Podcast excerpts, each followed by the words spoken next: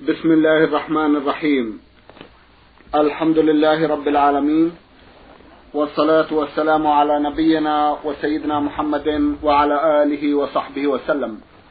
مستمعي الكرام السلام عليكم ورحمة الله وبركاته وأسعد الله أوقاتكم بكل خير. هذه حلقة جديدة مع رسائلكم في برنامج نور على الدرب. رسائلكم في هذه الحلقة نعرضها على سماحة الشيخ عبد العزيز ابن عبد الله بن باز الرئيس العام لإدارات البحوث العلمية والإفتاء والدعوة والإرشاد. مع مطلع هذه الحلقة نرحب بسماحة الشيخ ونشكر له تفضله بإجابة السادة المستمعين فأهلا وسهلا بالشيخ عبد العزيز. حياكم الله وبارك فيك. حياكم الله. أولى رسائل هذه الحلقة رسالة وصلت إلى البرنامج من الجمهورية العربية اليمنية وباعثتها إحدى الأخوات من هناك رمزت إلى اسمها بالحروف عين جيم. لها جمع من الأسئلة. ملخص سؤالها الأول تقول إن والدها يعارضها في مواصلة الدراسة وترجو من سماحتكم التوجيه لها ولوالدها. بسم الله الرحمن الرحيم. الحمد لله وصلى الله وسلم على رسول الله وعلى آله وأصحابه ومن اهتدى بهداه. أما بعد فإن طلب العلم للنوعين الرجال والنساء من أفضل القربات ومن أهم الطاعات. لقول النبي صلى الله عليه وسلم من سلك طريقا يلتمس فيه علما سهل الله له به طريقا الجنة. ولقوله عليه الصلاة والسلام من يريد الله به خيرا يفقهه في الدين.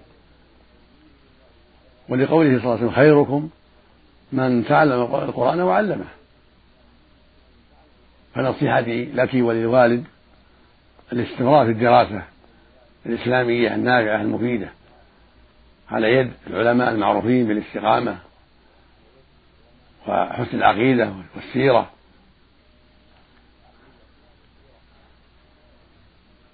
وذلك من التفقه في الدين الذي هو علامة الخير وعلامة أن الله رب العبد خيرا.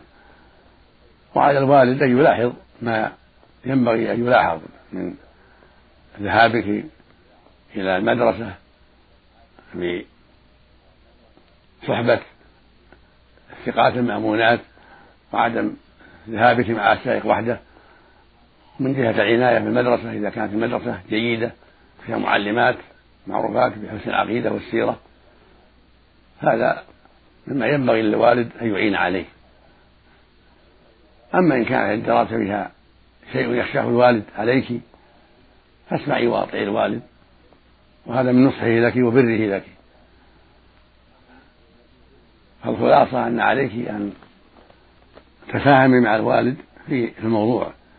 فإذا كانت الدراسة على مدرسات طيبات معروفات بالخير وتيسر لك الذهاب إلى المدرسة بطريقة سليمة ليس فيها خلوة بالسائق ولا غيره فالوالد يوافق إن شاء الله على هذا الخير العظيم.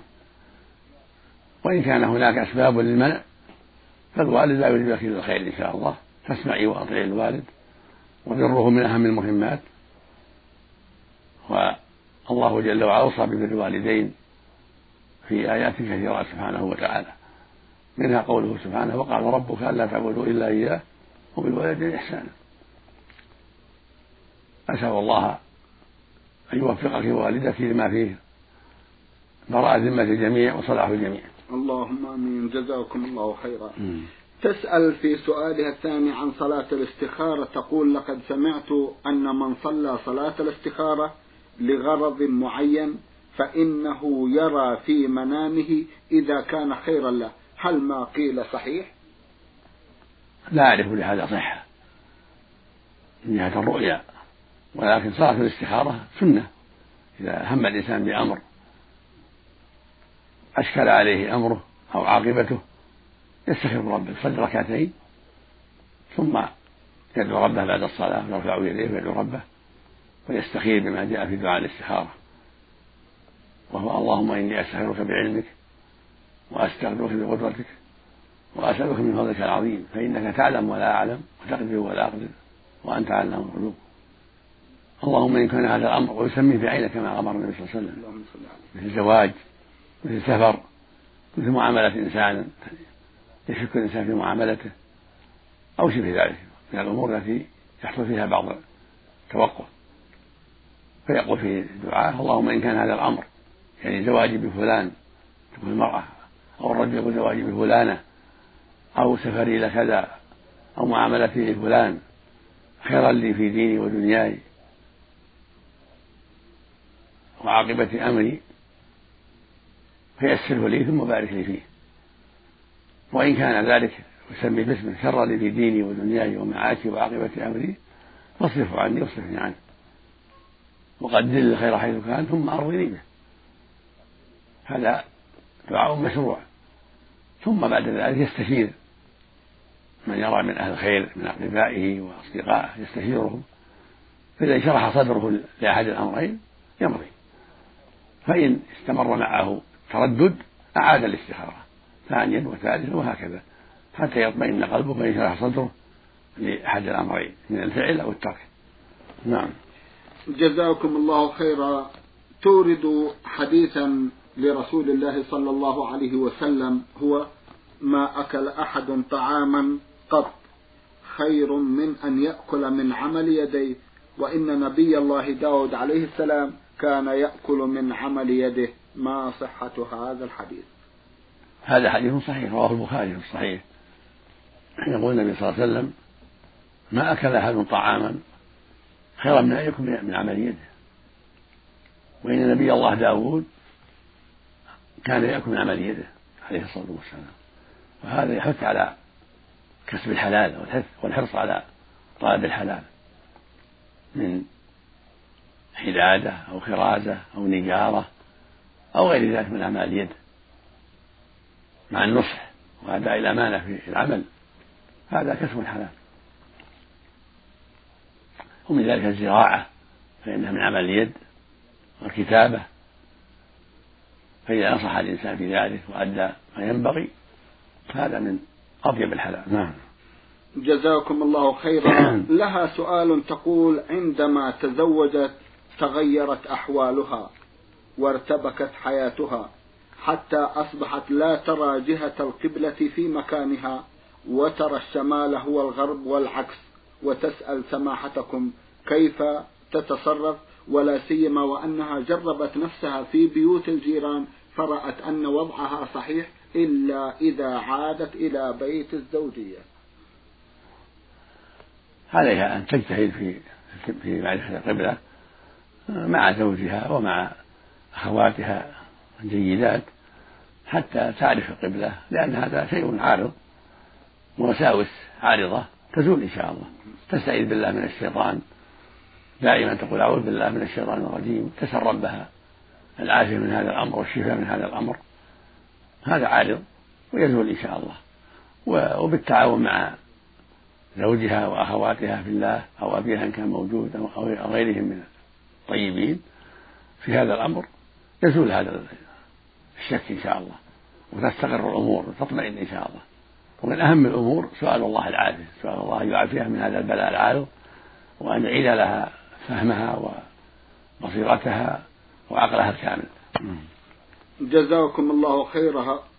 جزاكم الله خيرا. تقول إن زوجها تزوج بأخرى ولم يعدل بينها وبين الجديدة.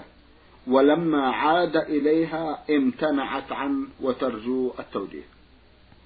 الواجب عليه العدل والتوبة إلى الله من الجور. فإذا عاد إلى العدل واستقام أمره فالواجب عليك أن تمكنيه من نفسك وأن ترجع إلى الحق والصواب. أما إذا لم يعدل فلك الحق في طلب الطلاق والامتناع منه حتى يعدل أو يطلق. نعم. جزاكم الله خيرا. من جازان المرسلة حليمة بعثت برسالة وضمنتها سؤالين. في سؤالها الأول تقول أنا ولله الحمد امرأة ملتزمة ومحافظة ولكن لي ولد عم. قد بلغ من الكبر كثيرا وهو رجل أعمى حيث أن عمره يناهز السبعين. فهل في الكلام معه؟ والسلام عليه. إثم عليه. جزاكم الله خيرا. ليس في الكلام معه والسلام عليه بل هذا من صلة الرحم. ولا ولا بأس أيضا بالكلام مع غيره حتى لو كان أجنبيا. إذا لم يكن هناك شر ولا فتنة ولا خلوة فالمسلمة تسلم على أقاربها. وإن كانوا ليسوا محارم تسلم على جيرانها وأخي وأخي زوجها ونحوهم من دون خلوة. ومن دون تعاطي أمور توجب التهمة. فإذا كانت الأمور واضحة ليس فيها تهمة فالسلام حق على ابن عمك وعلى غيره من دون خلوة ولكن من دون مصافحة بالكلام. كيف حالك؟ السلام عليكم وعليكم السلام كيف حالكم؟ كيف الأهل والأولاد؟ كيف هذا لا بأس من دون مصافحة ولا تقبيل كما يفعل بعض الجهالة لا. المصافحة مع النساء ومع المحارم الأخ والعم. أما مع الأجنبي سلام بدون مصافحة بدون تقبيل الرأس ولا غيره. بدون خلوة. فإذا سلمت عليه بحضرة من يزيل الخلوة أمك أو أختك أو أخيك أو غير ذلك المقصود بدون خلوة يكون معكم ذلك بدون ريبة. نعم. نعم. جزاكم الله خيرا. تقول زوجي رجل محافظ ولله الحمد ولكنه يستعمل الشيشة ويأمرني أن أجهزها له. ولو عصيته لصار بيننا نزاع وخلاف ومشاكل حيث أن لي أطفالا صغارا وليس لهم عا وليس لهم كافل إلا الله ثم أبوهم. فهل في تجهيزها له إثم علي وظروفي كما ذكرت؟ جزاكم الله خيرا. ليس لزوجك شرب الشيشة ولا غيرها من أنواع التدخين ولا غيرها أيضا من سائر أنواع الخمور والمسكرات. الواجب عليه التوبة إلى الله من ذلك. والحذر من مغبة هذه المعصية. ولا يجوز لك أن تساعديه في تجهيزها له. ولو غضب. يقول النبي صلى الله عليه وسلم إنما الطاعة في المعروف. وليس من المعروف أن تجهزي له الشيشة أو غيرها من مما هو محرم. ويقول النبي صلى الله عليه وسلم لا طاعة للمخلوق في معصية الخالق.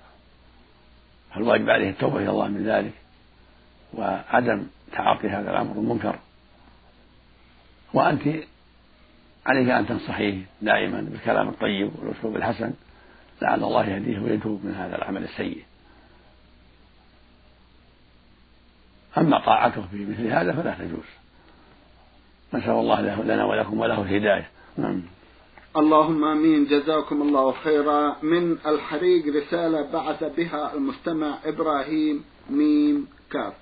يسأل جمعا من الأسئلة. من بينها سؤال يقول عن أنس رضي الله عنه قال قال رسول الله صلى الله عليه وسلم من قاد أعمى أربعين خطوة وجبت له الجنة. ما صحة هذا الحديث؟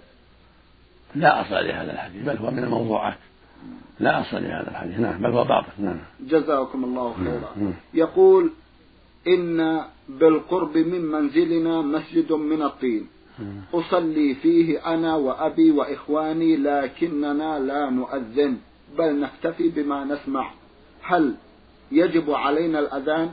ذلك أن أحد أقاربنا قال لا بد من الأذان ما هو توجيهكم؟ جزاكم الله خيرا. الأفضل أن تؤذنوا فيه حتى يعلم من حولكم ويحضر. ولا يجب ما دام حولكم مؤذنون يسمعهم من حولكم لا بأس يحصل بهم الكفاية. لكن إذا أذنتم في المسجد هذا يكون أفضل وأولى. نعم.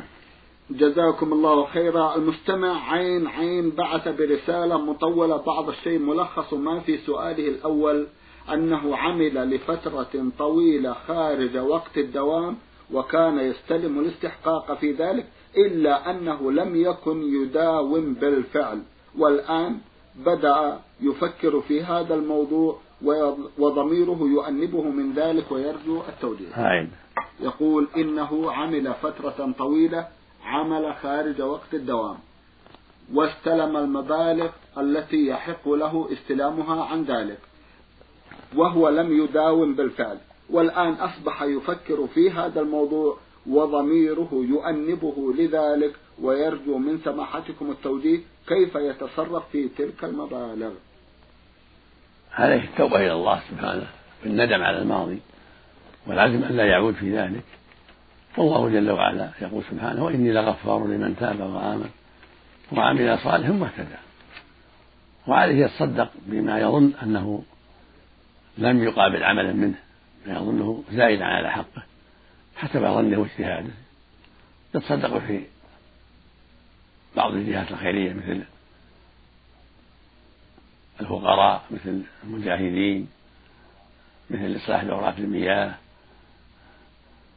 إلى غير ذلك من وجوه الخير. حسب ما يظن.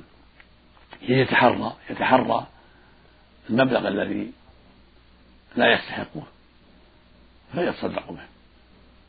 مع التوبة إلى الله والندم. نعم. جزاكم الله خيرا. يقول أحفظ كثيرا من كتاب الله وأجيد قراءته قراءة جيدة وأؤم المصلين في كثير من الأحيان. إلا أنني لا أعرف كثيرا من معاني الآيات فهل تجوز فهل تجوز الإمامة والحل؟ ما ذكر؟ نعم لا حرج في ذلك. وإن كنت تجهل بعض المعاني ما دمت بحمد الله تجد القراءة فالحمد لله. نعم. جزاكم الله خيرا. يقول كثيرا ما أحدث نفسي أثناء الصلاة بأمور دنيوية فهل يؤثر ذلك على صحة الصلاة؟ الوسوسة في الصلاة والحديث النفس يؤثر في خشوعها وفي الأجر الذي يحصل لك. وليس لك من صلاتك إلا ما عقلت منها وأقبلت عليه بقلبك. فاحرص على ترك الوساوس والحديث في أمور دنياك واجتهد في إقبالك على الصلاة. يقول الله سبحانه قد أفلح المؤمنون الذين هم في صلاتهم خاشعون. الحديث الصحيح يقول صلى الله عليه وسلم ليس للعبد من صلاته إلا ما عقل منها. المقصود أنك تجتهد في إقبالك على الصلاة وحضار قلبك والخشوع فيها والحذر من الوساوس وأحاديث النفس التي تشوش عليك صلاتك. نعم. جزاكم الله خيرا من جمهورية مصر العربية. المستمع حاسين ميم رسالة وضمنها جمعا من الأسئلة. في أحدها يقول ما حكم من يعد ويخلف ويستغل الناس. هذا هذه خصلة من خصال أهل النفاق. فالواجب الحذر منها. يقول النبي صلى الله عليه وسلم آية المنافق ثلاث إذا حدث كذب وإذا وعد أخلف وإذا تؤمن خان فالواجب على المسلم أن يحذر هذه الصفات الذميمة وأن يبتعد عنها. وأن يتوب إلى الله مما سلف. نعم. جزاكم الله خيرا. ما جزاء الراشي والمرتشي الراشي والمرتشي قد أتيا كبيرة عظيمة. في الحديث الصحيح أن الرسول لعن الراشي والمرتشي. والرشوة بذل المال لمن يعمل لك ما يخالف الأمر الشرعي ما يخل بالأمانة. والقابل للرشوة هو الذي يفعل. ما حرم الله عليه من أجل الرشوة. فكان يعطيك ما ليس بحق لك. أو يقدمك على من هو أولى منك يعني من أجل الرشوة. أو يخبر بأنك مواظب على العمل وأنت لست مواظبا على العمل من أجل الرشوة ونحو ذلك. فالمال يبذل في خلاف الحق. آخذه ظالم وباذله كذلك. ويعتبران متعاونان على الإثم والعدوان نسأل الله العافية. نعم. اللهم آمين. جزاكم الله خيرا. يسأل عن جزاء من يحقد على الناس ويكره الخير للغير. عليه التوبة إلى الله. عليه التوبة إلى الله. الواجب على المسلم أن يحب الخير لإخوانه. ويكره لهم الشر. ولا يجوز له أن يحقد على أحد غير حق ولا أن يحسده ولا أن يحب له السوء. يقول النبي صلى الله عليه وسلم لا يؤمن أحدكم حتى يحب يحب أخيه ما يحب نفسه. الواجب على المسلم أن يحب لإخوانه الخير والهدى والصلاح وأن يكره لهم كل شر وأن لا يحقد عليه. ومن وجد من نفسه أنه يكره الخير لإخوانه هذا مرض في قلبه فعليه توبة إلى الله من ذلك. نسأل الله السلامة. نعم. يقول ما رأي سماحتكم في الإمام الذي يهمل عمله ويضع حمل العمل على الحارس من أذان وإقامة وصلاة بالناس والقيام بشؤون المسجد؟ وهل المرتب الذي يتقاضاه حلال؟ هذا من الخيانة لا يجوز له أن يعمل هذا العمل. والواجب رفع أمره إلى الجهة المسؤولة حتى يستقيم أو يبدل بخير منه. هذا على الجماعة والمسؤولين أن يرفعوا أمره. نسأل الله لنا وله الهداية. جزاكم الله نعم. نسأل الله العافية. رسالة تضمنت جمعا من الأسئلة باعثها المستمع علي أحمد يحيى نور من اليمن. أخونا يقول في أحد أسئلته ما قولكم في الشخص الذي يصلي بعض الصلوات ويترك بعضها تكاسلا منه؟ ويقول إن الله غفور رحيم وبما تنصحون حيال هذا الشخص المهمل لدينه جزاكم الله خيرا. الواجب على المسلم أن يحافظ على الصلوات الخمس في الجماعة فهي عمود الإسلام وليس له أن يتساهل فيه منها.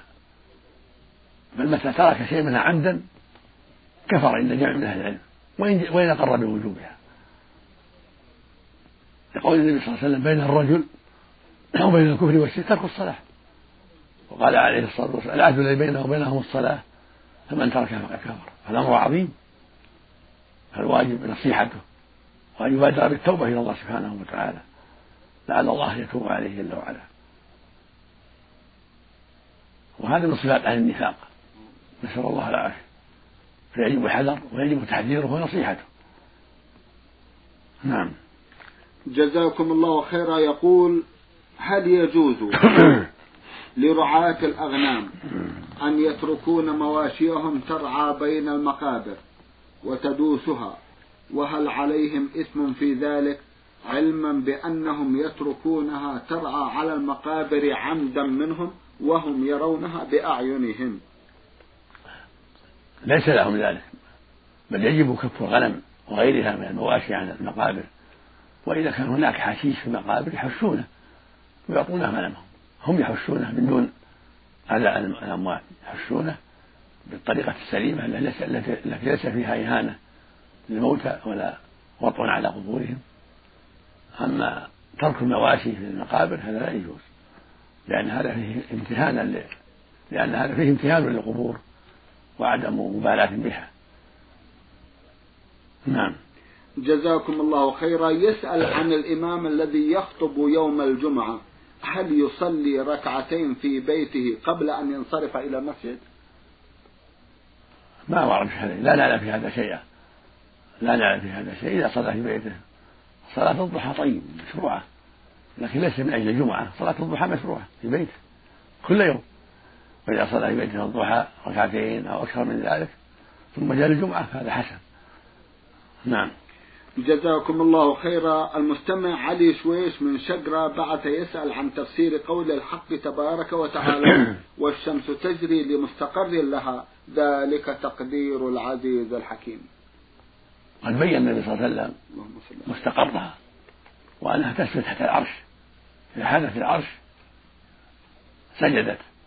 سجد يليق بها الله يعلم كيفيته سبحانه وتعالى.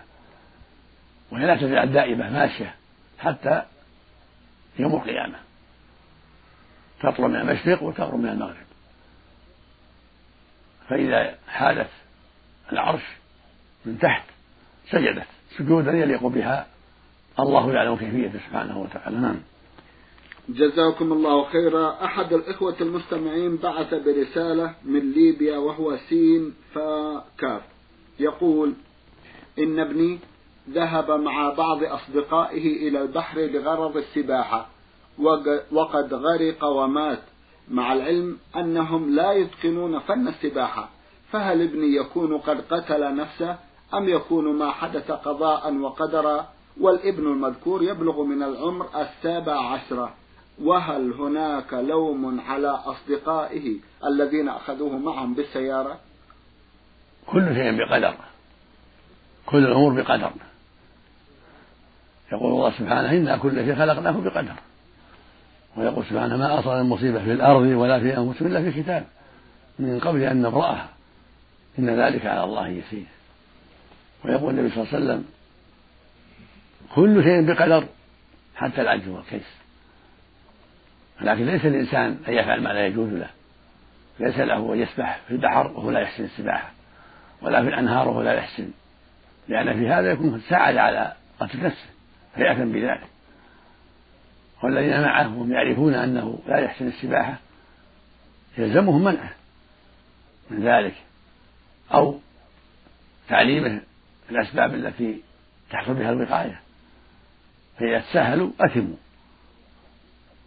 نسأل الله يعفو عنا وعنه وعن كل مسلم. اللهم آمين. جزاكم الله خيرا.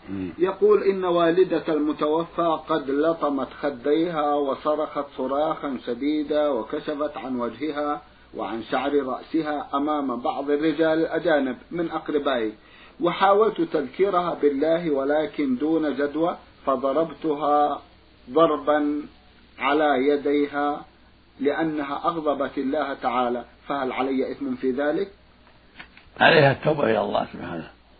هي عليها التوبة وأنت إن شاء الله محسن من باب التأديب من باب إنكار المنكر. النبي صلى الله عليه وسلم يقول ليس منا من ضرب الخدود أو شق الجيوب أو دعا بدعوى جاهلية ويقول صلى الله عليه وسلم أنا بريء من الصالقة والحالقة والشاقة. الصالقة التي ترفع صوتها عند المصيبة والحالقة التي تحلق شعرها عند المصيبة. والشاقة تشق ثوبها عند المصيبة الواجب الصبر والاحتساب وعدم تعاطي ما حرم الله من لطم خد أو شق ثوب أو نتف شعر أو غير هذا من المعاصي. نسأل الله يمن عليها بالتوبة ويجب مصيبتها. نعم. اللهم آمين. جزاكم الله خيرا. سماحة الشيخ في ختام هذا اللقاء أتوجه لكم بالشكر الجزيل بعد شكر الله سبحانه وتعالى. على تفضلكم بإجابة السادة المستمعين وآمل أن يتجدد اللقاء وأنتم على خير. نسأل الله ذلك مستمعي الكرام كان لقاؤنا في هذه الحلقة مع سماحة الشيخ عبد العزيز ابن عبد الله بن الرئيس العام لإدارات البحوث العلمية والإفتاء والدعوة والإرشاد. شكرا لسماحته. وأنتم يا مستمعي الكرام شكرا لحسن متابعتكم. وإلى الملتقى. وسلام الله عليكم ورحمته وبركاته.